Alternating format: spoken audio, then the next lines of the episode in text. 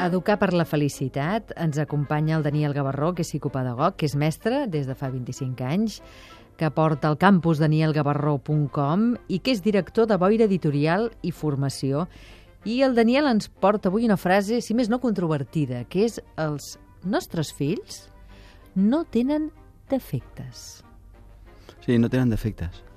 Perquè no, ningú té defectes, tu tampoc tens defectes. Ja sé que a vegades pensem que som males mares o que som mals pares. No, no és veritat, no tenim defectes. A, a, el que passa és que, mira, un, un defecte és un dèficit de quelcom que tu penses que hauries de tenir. Per exemple, et dius, el meu fill és que és un defecte molt gordo, té les mans de plata, és a dir, és molt maldestre. Però què vol dir això? Que tu li demanes un nivell d'habilitat manual que la té inferior. Li pots dir, no, és que el meu, el meu fill és molt antipàtic. Jo dic, no, és simpàtic però poc. el meu fill és que és molt... I no, el que passa que el compares perquè tu voldries que tingués més. Això té molta més importància de la que sembla. Perquè mentre nosaltres, als nostres fills, els diguem que sí tenen defectes, ells se centraran en el que no tenen. I el que no tens no ho pots fer créixer.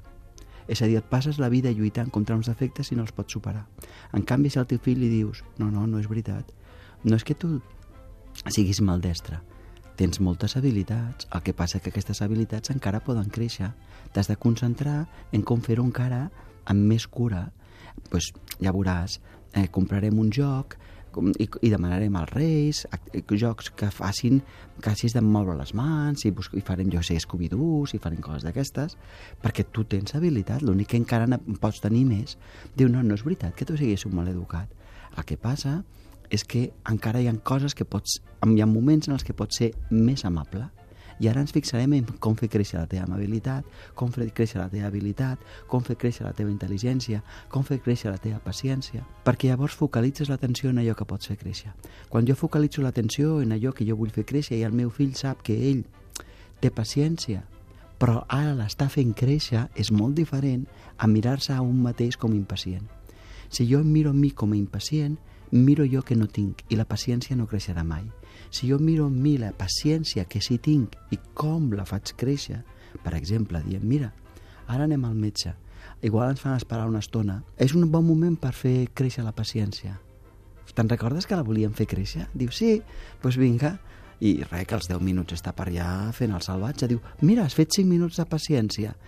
Vols fer 6 minuts, ara? I això no vol dir que no hi hagi límits, també. I això no vol dir que no hi hagi límits. És obvi, evident. Però s'ha de tenir cura amb aquelles etiquetes que acaben sent creences limitadores i contra les quals no pots lluitar. Perquè això fa que els nostres fills visquin a la impotència. En canvi, dir-los, fes créixer això, fes créixer allò, i el teu fill sabrà què ha de fer. Fins aquí, eh, Educar per la Felicitat i l'ofici d'educar d'avui. Moltes gràcies, Daniel Gavarró. Una abraçada per tu i per tothom.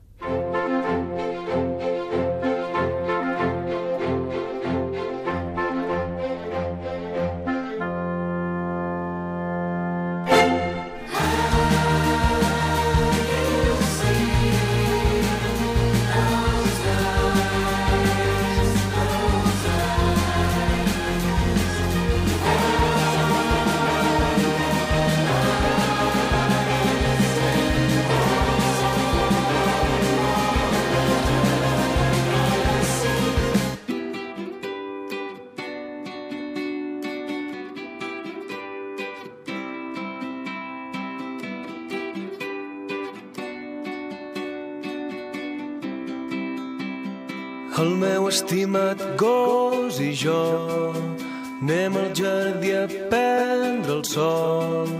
Almenys ens tenim a prop quan tot va malament.